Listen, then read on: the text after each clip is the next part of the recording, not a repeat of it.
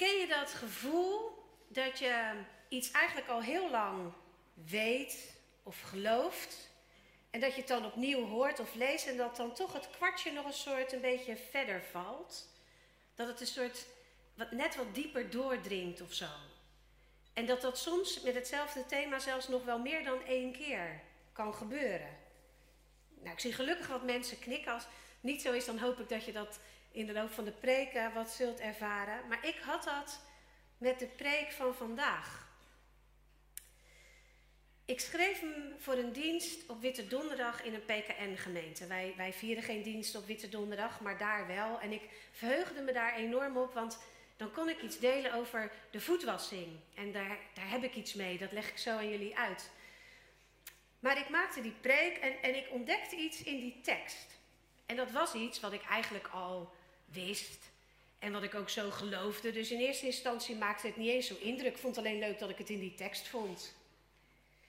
En toen deed ik de preek al stiekem, niet zo stiekem, bij de senioren op woensdagochtend. Dus bij deze, ik zie er een paar, de senioren die er begin deze maand waren, je mag ook nu koffie gaan drinken. want, want ik ga hem gewoon nog een keer doen. Dat was niet mijn bedoeling. Ik doe dat nooit. Ik maak mijn preken altijd voor Vlaardingen en daarna neem ik ze mee het land in naar gastspreekbeurten. Dit is de eerste keer dat ik het andersom doe. En het kwam omdat ik deed hem daar en daar viel, begon het kwartje. Het viel denk ik nog niet, maar het begon al een beetje te rollen. En toen uh, op die donderdagavond in die PKN-gemeente viel dat kwartje het eerste stukje en werd ik zo geraakt door wat er in die tekst gebeurde. Zo dat ik dacht, volgende week zondag, vorige week inmiddels, preekte ik in een andere PKN-gemeente. En het is een beetje raar om een witte donderdagpreek over de voetwassing de zondag na Pasen te houden. Maar ik dacht, nee, het is niet zo raar. Want wat daar gebeurt en wat ik ontdekte, hebben we het hele jaar nodig. Dus ik deed hem daar nog een keer. En daar viel het kwartje echt. En niet het kwartje hier, want ik wist het al lang en ik geloofde het al lang. Maar ik werd zo diep geraakt door de genade die in deze tekst spreekt. Dat ik dacht, het is echt zonde als ik moet wachten dat we hier ooit Witte Donderdag gaan vieren. Dus ik deel het vandaag met jullie. Ik hoop dat uh, jullie het allemaal al lang een beetje weten en, en geloven, maar dat de genade van God jullie vandaag diep in je hart mag raken. Zullen we eerst bidden samen. Goede, liefdevolle God en Vader. Heer, dank u wel dat we deze morgen hier zijn. En Heer, wilt u ons hart openen? We weten van uw genade. We weten van uw liefde. We geloven in uw genade en uw liefde. Maar Heer, open in dit moment ons hart, zodat we het ook werkelijk kunnen ontvangen. Waai met uw Heilige Geest. Amen. De tekst van de voetwassing. En let op, hij gaat in één keer goed. Ja. Ja, dank, dank. Ik was er zo klaar mee. Laten we samen lezen. Het was kort voor het Pesachfeest. Jezus wist dat zijn tijd gekomen was en dat hij uit de wereld terug zou keren naar de Vader.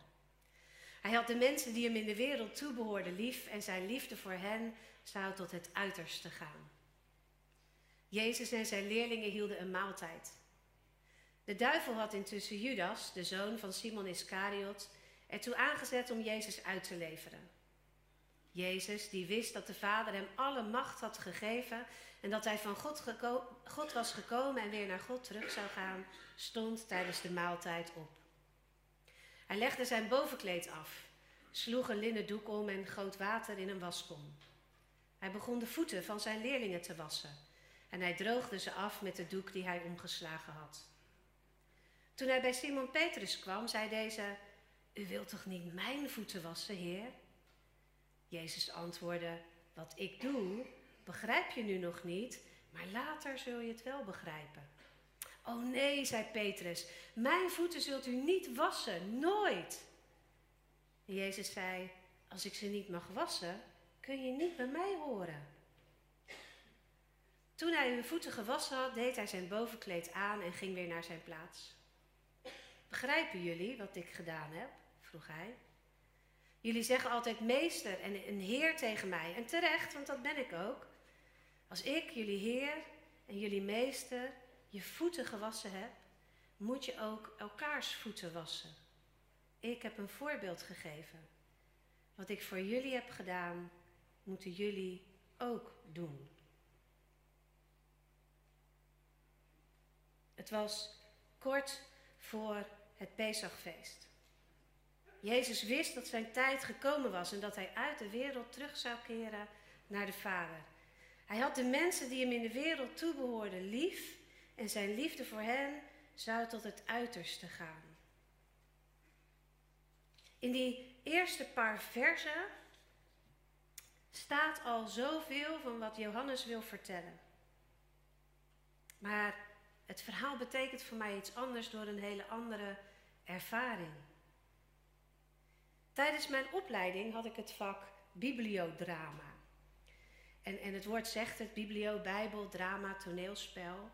En dat is een vak dus waarin je bijbelverhalen uitspeelt, als een toneelspel. En dat doe je om ja, je weer op een andere, nieuwe manier met zo'n verhaal te verbinden. En, en misschien ook wel tot nieuwe inzichten en beleving te komen. En wij speelden op een dag het verhaal van de voetwassing. En dat was een van de meest indrukwekkende lessen die ik ooit had meegemaakt.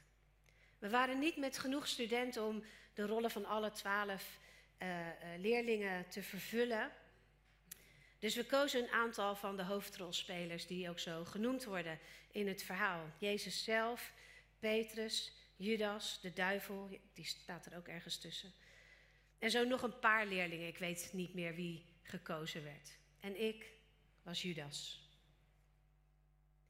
Jezus werd gespeeld door een vrouw, maar dat maakt in zo'n spel eigenlijk helemaal niks uit. Je doet een aantal voorbereidende oefeningen en je zit echt, echt in je rol. En ik zat naast Petrus. En ik volgde zo die hele uitwisseling tussen Jezus en Petrus, waar we net over gelezen hebben. En ik voelde alleen maar zenuwen diep in mij. De duivel stond achter mij. Ik wist dat ik Jezus zou gaan verraden, dat dat, dat al begonnen was.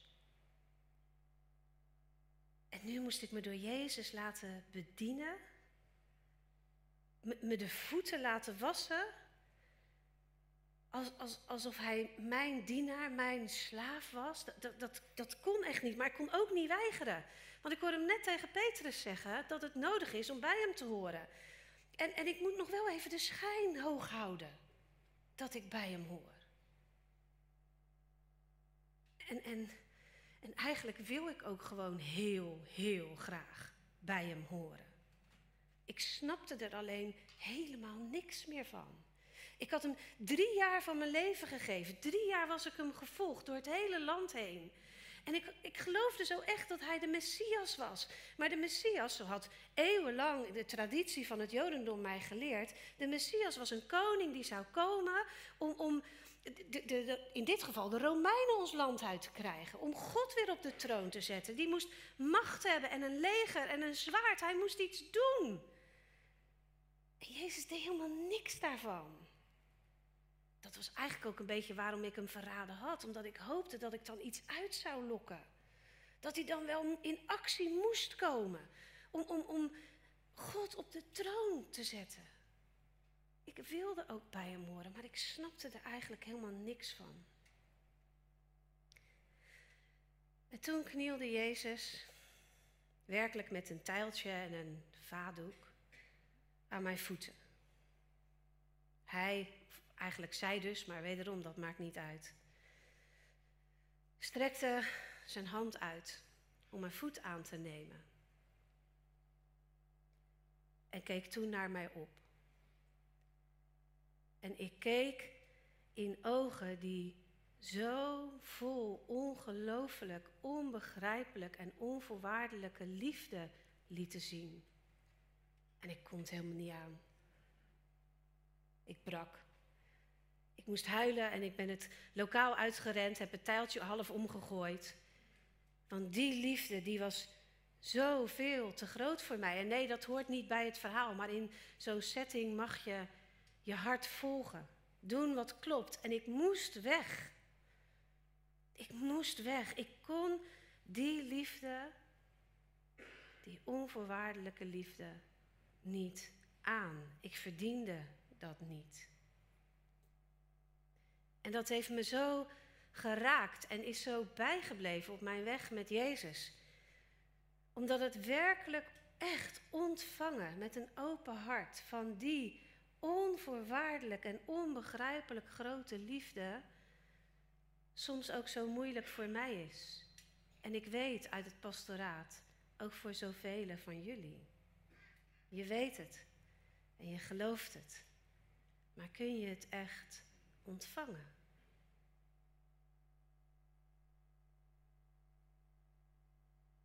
En ik realiseer me steeds opnieuw hoe belangrijk dat wel is.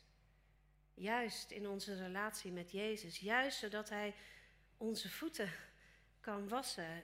Hoe belangrijk dat is om, om zo bij Jezus te horen. Daar kom ik straks op terug. Laten we eerst even teruggaan naar wat de tekst ons vertelt. In die eerste drie regels van het hoofdstuk, ik zei het al, staat een soort samenvatting van het hele evangelie van Johannes over de betekenis van de bediening van Jezus. Ten eerste staat er dat het kort voor het Pesachfeest was. En Johannes gebruikt in zijn hele evangelie de, de feesten van het Jodendom om iets van de bediening van Jezus uit te leggen. En het Pesachfeest is daar een kernfeest in. Om een voorbeeld te noemen, Johannes heeft over Jezus gesproken als het lam van God in, in zijn eerste hoofdstuk, in relatie tot een Pesachfeest. En kort voor dat paasfeest spreekt Jezus over zijn lichaam als de tempel, die in drie dagen, uh, die afgebroken wordt en in drie dagen weer opgebouwd wordt. In relatie tot het Pesachfeest. En kort voor een volgend paasfeest lezen we het verhaal over wat we de wonderbare spijziging zijn gaan noemen. Over hoe Jezus met vijf broden en twee vissen een hele menigte voedt. En daar direct achteraan spreekt hij over hoe hij zelf brood en bloed zal zijn, wat door zijn leerlingen en volgelingen gegeten zal worden. Daar begrijpen ze dan nog helemaal niks van. Maar wederom gaat het om de relatie met ons paasfeest. En nu is Jezus weer in Jeruzalem, kort voor wat het laatste paasfeest van zijn bediening zal zijn.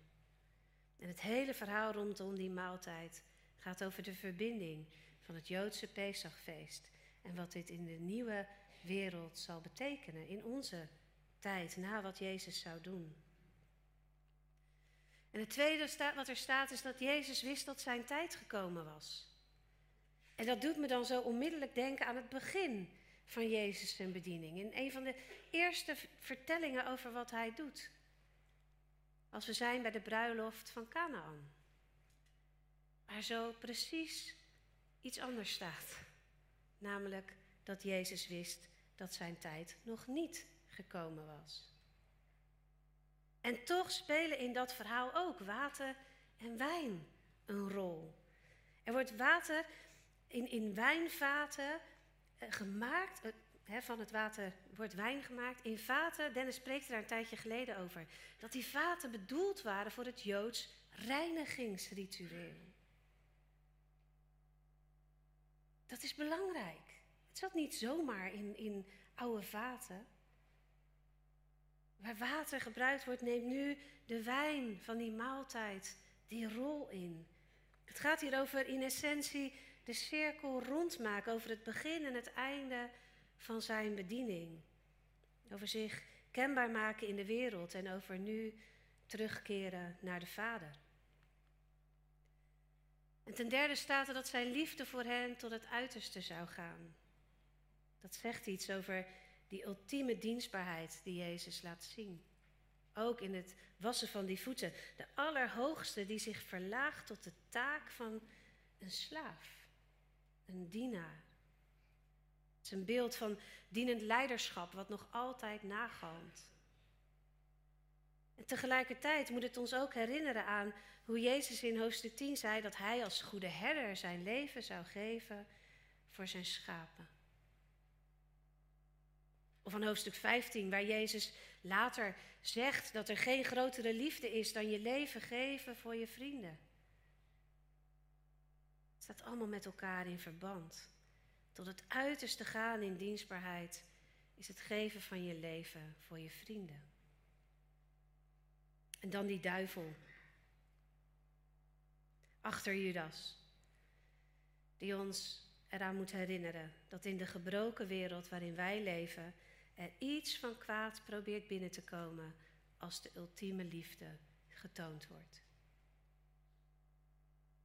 De liefde wordt hier verraden. En dat waarschuwt ons om waakzaam te blijven. Waakzaam dat liefde niet betoond of ontvangen wordt voor ons eigen gewin, zoals bij Judas. En dan is er die uitwisseling met Petrus, die ik eigenlijk altijd een beetje grappig vind. Niet toen ik Judas was naast hem, toen vond ik er niet zoveel grappigs aan. Maar, maar die Petrus, zo, het is zo hoe het in zijn karakter zit. Hij wil, eerst wil hij helemaal niet dat Jezus zijn voeten wast, want Jezus kan toch niet zijn dienaar zijn, dat is ondenkbaar. Maar als Jezus dan zegt dat als hij hem niet schoon mag wassen, dat hij dan niet bij hem kan horen, dan slaat Petrus volledig de andere kant op en dan moet alles. Zijn hele lijf. Althans, van top tot teen, voeten, handen, hoofd. En wat Jezus daarop zegt, is essentieel voor wat ik jullie vandaag wil vertellen. Daarin zat mijn ontdekking. Jezus zegt dan, wie gebaat heeft, hoeft alleen nog zijn voeten te wassen. Hij is al helemaal rein. Jullie zijn dus rein. Maar niet allemaal. Hij wist namelijk wie hem uit zou leveren en daarom zei hij dat ze niet allemaal rein waren. En door die laatste zin, die natuurlijk over Judas gaat, over het voornemen van verraad, over iets wat in zijn gedachten zit, in zijn gedrag tot uiting is gekomen en zal komen, weten we dat dat rein niet, of in ieder geval zeker niet alleen, gaat over vies worden. Lichamelijk vies worden, zoals je voeten vies worden als ze in open sandalen over zanderige wegen lopen. Daar gaat het dus niet om. Het gaat op zijn minst ook over zonder zonde zijn. Over geen liefdeloosheid in je dragen. Over een leven van liefde leiden. Daardoor weten we ook dat de zin wie gebaat heeft, niet alleen gaat over lekker gedoucht zijn, maar over de doop. Het ultieme Joodse reinigingsritueel. Petrus zegt dat Jezus niet alleen dan zijn voeten moet wassen, maar ook zijn handen. Symbool voor de verkeerde dingen die we doen. En, en ook zijn hoofd. Symbool voor de verkeerde dingen, de liefdeloze dingen die we soms denken. Alles moet schoongewassen. En dan zegt Jezus, nou, kalm aan vriend. Je hoeft ook niet te overdrijven. Door alles wat je van mij gehoord hebt, door je doop, hoor je al bij mij en ben je al nieuw gemaakt aan het worden.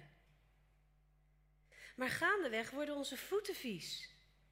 Door de weg die we gaan. En dan was ik je steeds opnieuw schoon, die voeten. En als ik dat mag doen, dan hoor je echt bij mij. Dan kun je bij mij blijven horen. En daar zit liefde in, bemoediging in, genade in, geruststelling in. Daar waar we soms geleerd hebben dat we in de ogen van God alles goed moeten doen, dat we geen zonde mogen begaan, misschien zelfs dat er straf op zou staan, zegt Jezus hier echt fundamenteel iets heel anders. Je hoort al bij mij, zegt hij. Door je doop en gewoon omdat je luistert naar wat ik zeg. Maar ik verwacht dat het soms misgaat. Ik verwacht het. Dat hoort erbij, als doe je nog zo je best. Soms lukt het gewoon niet. Gebeuren er dingen, lopen relaties, scheurtjes en deukjes op. Dat is hoe het hier gaat in deze gebroken en stoffige wereld. Dat is de verwachting. En dan steeds opnieuw is het offer wat ik voor jou breng klaar voor jou. Het tijltje staat er met het doek. Ik was je voeten schoon, maar jullie zijn dus rein. We horen bij Jezus. Jij hoort bij Jezus. Door je doop die ons gereinigd heeft. Of gewoon al, doordat je naar Hem luistert en je je als Zijn volgeling beschouwt. Doordat je je kind van God weet. Maar gaandeweg worden steeds onze voeten weer vies. En, en dat schoonwassen gaat dan dus ten diepste over vergeving. Als we er een rommel van maken in het leven, en dat is de verwachting. Jezus weet dat. Dan zijn we steeds opnieuw vergeven. En ik hoop dat ik je niet hoef te vertellen dat dat geen vrijbrief is om erop uit te gaan en allemaal verkeerde dingen te doen. En, en dan heb je natuurlijk niks begrepen van wat Jezus allemaal vertelt. Daar gaat het helemaal niet om. Maar als je zijn voorbeeld volgt, als je steeds opnieuw de intentie hebt om een leven van liefde te leiden, maar het soms gewoon door duizend en één redenen niet lukt, dan ben je vergeven. Dan bied je hem je, je vieze voeten aan en dan wast hij je schoon, keer op keer. En ik zei het al, misschien of waarschijnlijk weet je het al lang. Geloof je het ook. Maar ik ben me ook zo bewust van hoe snel we terugvallen in het taalgebruik van kerken waar velen van ons uit zijn voortgekomen. Of uit onze opvoeding. En hoe snel je dan toch ook weer kan vergeten hoe het zit. In ieder geval diep van binnen. Op de laatste districtsvergadering hadden we gasten uit het buitenland. Onze field director Jim Ritchie. En wij spraken over muziek. En, en ik sprak, of hij sprak over hoeveel van onze muziek niet uit de Wesleyaanse bronnen komt. En hoeveel er in, het, in de taal van de liederen die we zingen ons terugbrengen bij wat we eigenlijk niet of niet meer geloven. Hoe gemakkelijk we nog zingen, ik ben zondig en onrein over straf die ik verdien. Maar is niet waar. Dat geloven wij niet. Misschien waren we eens zondag en onrein en misschien zit er een kern in ooit die straf. Wij geloven dat niet. Het is echt verleden tijd. En, en met de General Superintendent, eh, David Busick, die had het niet over de liederen, maar over de boeken die we lezen. Over als wij als voorgangers jullie aanmoedigen om meer over Jezus te lezen of over je geloof te lezen. En dat als je dan naar een boekwinkel gaat, in het echt of online, dat dan het overgrote deel van de boeken, zeker hier in Europa, niet uit een Wesleyaanse traditie komen, maar je terugbrengen bij de Calvinistische oorsprong. Voor heel veel boeken is het helemaal niet belangrijk, dat weet ik ook, want die gaan daar helemaal niet over. We delen meer dan genoeg met onze broeders en zusters in andere kerken. Maar op dit soort punten verschillen we wel degelijk en geloven we echt wat anders. Een lied met Pasen zong zo prachtig. U wast mij schoon voor goed. Voor goed. Het is echt voor goed. We doen natuurlijk nog wel eens wat verkeerd. We krijgen vieze voeten. Maar onze identiteit, wie wij zijn in Christus, is rein voor goed. Ik weet dat en ik geloof dat. Maar de afgelopen weken viel die genade nog zoveel dieper in mij. En ik hoop dat je dat vandaag zo mag pakken voelde het meer dan ooit. Maar het verhaal van de voetwassing is daar niet klaar. Verder dan alleen die ongelooflijk niet te bevatten genade en liefde van Jezus zegt Hij dat wij moeten doen wat Hij ons heeft voorgedaan. Die genade die ten diepste gaat over vergeven zijn, is ons geschenk, maar ook onze opdracht. Gaan wij als volgelingen van Jezus genadig om met het onrecht wat ons wordt aangedaan? Als mensen in onze omgeving de mist ingaan, als ze er een rommel van maken, als ze vieze voeten krijgen, zijn wij dan bereid een stap verder te gaan en te vergeven? Ook als dat moeilijk is. Ook als je er eigenlijk geen zin in hebt. Ook als je eigenlijk gelijk hebt. En natuurlijk gaat het ook in deze context niet over het vergeven van mensen die moedwillig je kwaad doen en blijven doen en geen berouw hebben en gewoon door willen gaan met kwaad doen. En het gaat ook niet over het mensen die een rommel van willen blijven maken, steeds opnieuw vertrouwen geven. Ik herinner me zo ooit dat Ed vertelde over een, een, uh, een drugsverslaafde die iemand, iemand had die in huis gehaald, liefde en prima, maar die had haar huis leeggeroofd. En, en die kwam op een dag weer terug met berouw en ze nam hem toch weer binnen. En hij roofde weer haar huis leeg. Ja, dan is het niet zo handig om de derde keer weer de sleutel van je voordeur te geven. Dat is niet waar vergeving over gaat. Daar kan je een hele andere preek over houden. Dat gaat over andere dingen. Het gaat over herstel van relatie, niet over goedkeuring van gedrag.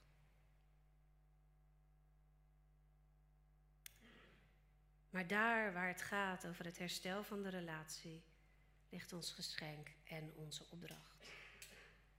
Dus hoe ziet dat er voor jou uit de komende week? Hoe ziet liefdevolle dienstbaarheid, waar die voetwassing mee begint, hoe ziet dat er voor jou uit? En het hoeft niet altijd iets te zijn wat je naar vindt om te doen. Het hoeft geen rotklusje te zijn zoals het wassen van een twaalftal eh, paar uh, vieze mannenvoeten.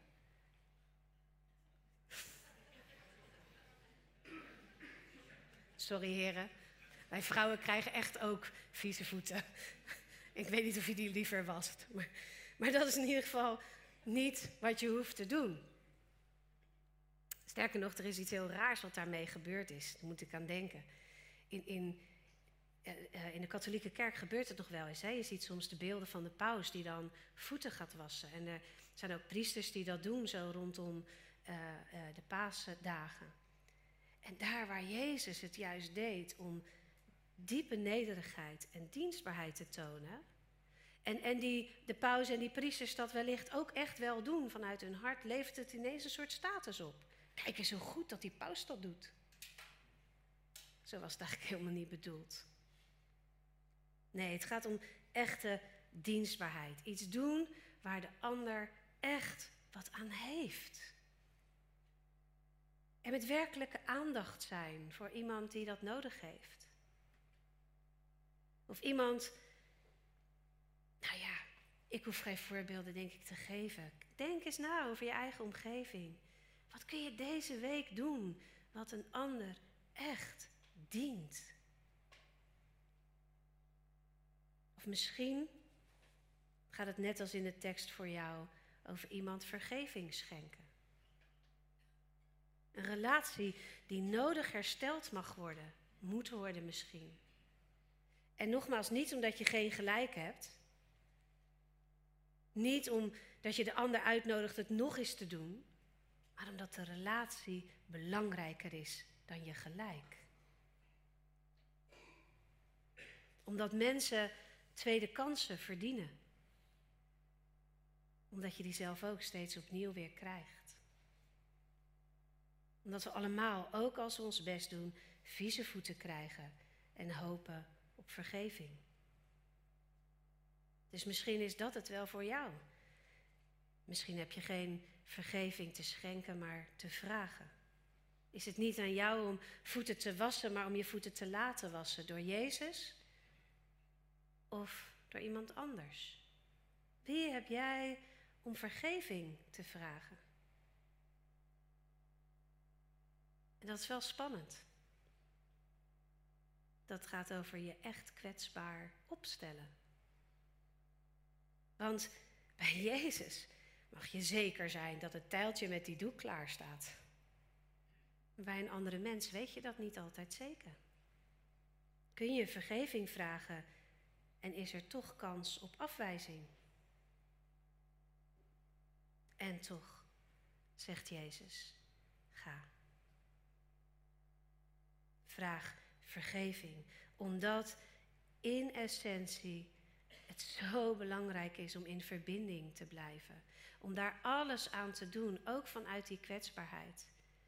En als er afwijzing is, dan mag je weten dat er vanuit Jezus altijd vergeving is. En dat jij gedaan hebt wat je kan. Dat jij je hart, zijn hart, hebt laten zien. En dan moet ik steeds terugdenken aan dat bibliodrama, waarin ik als Judas echt wel hele vieze voeten had. En Jezus die dat wist, me met zoveel liefde aankeek dat ik het niet aankon. Dus als jij vergeving nodig hebt, dan bid ik je toe dat je diezelfde liefdevolle ogen mag treffen in de ander. Als je je vieze voeten aanbiedt om ze te laten wassen. En dat je het kunt ontvangen. Dat je het echt kunt ontvangen. Want als we vergeving nodig hebben, volgt daarop ook zo vaak de moeite van onszelf vergeven. Maar als Jezus je vergeeft, mag dat toch tot voorbeeld zijn dat je ook jezelf mag vergeven.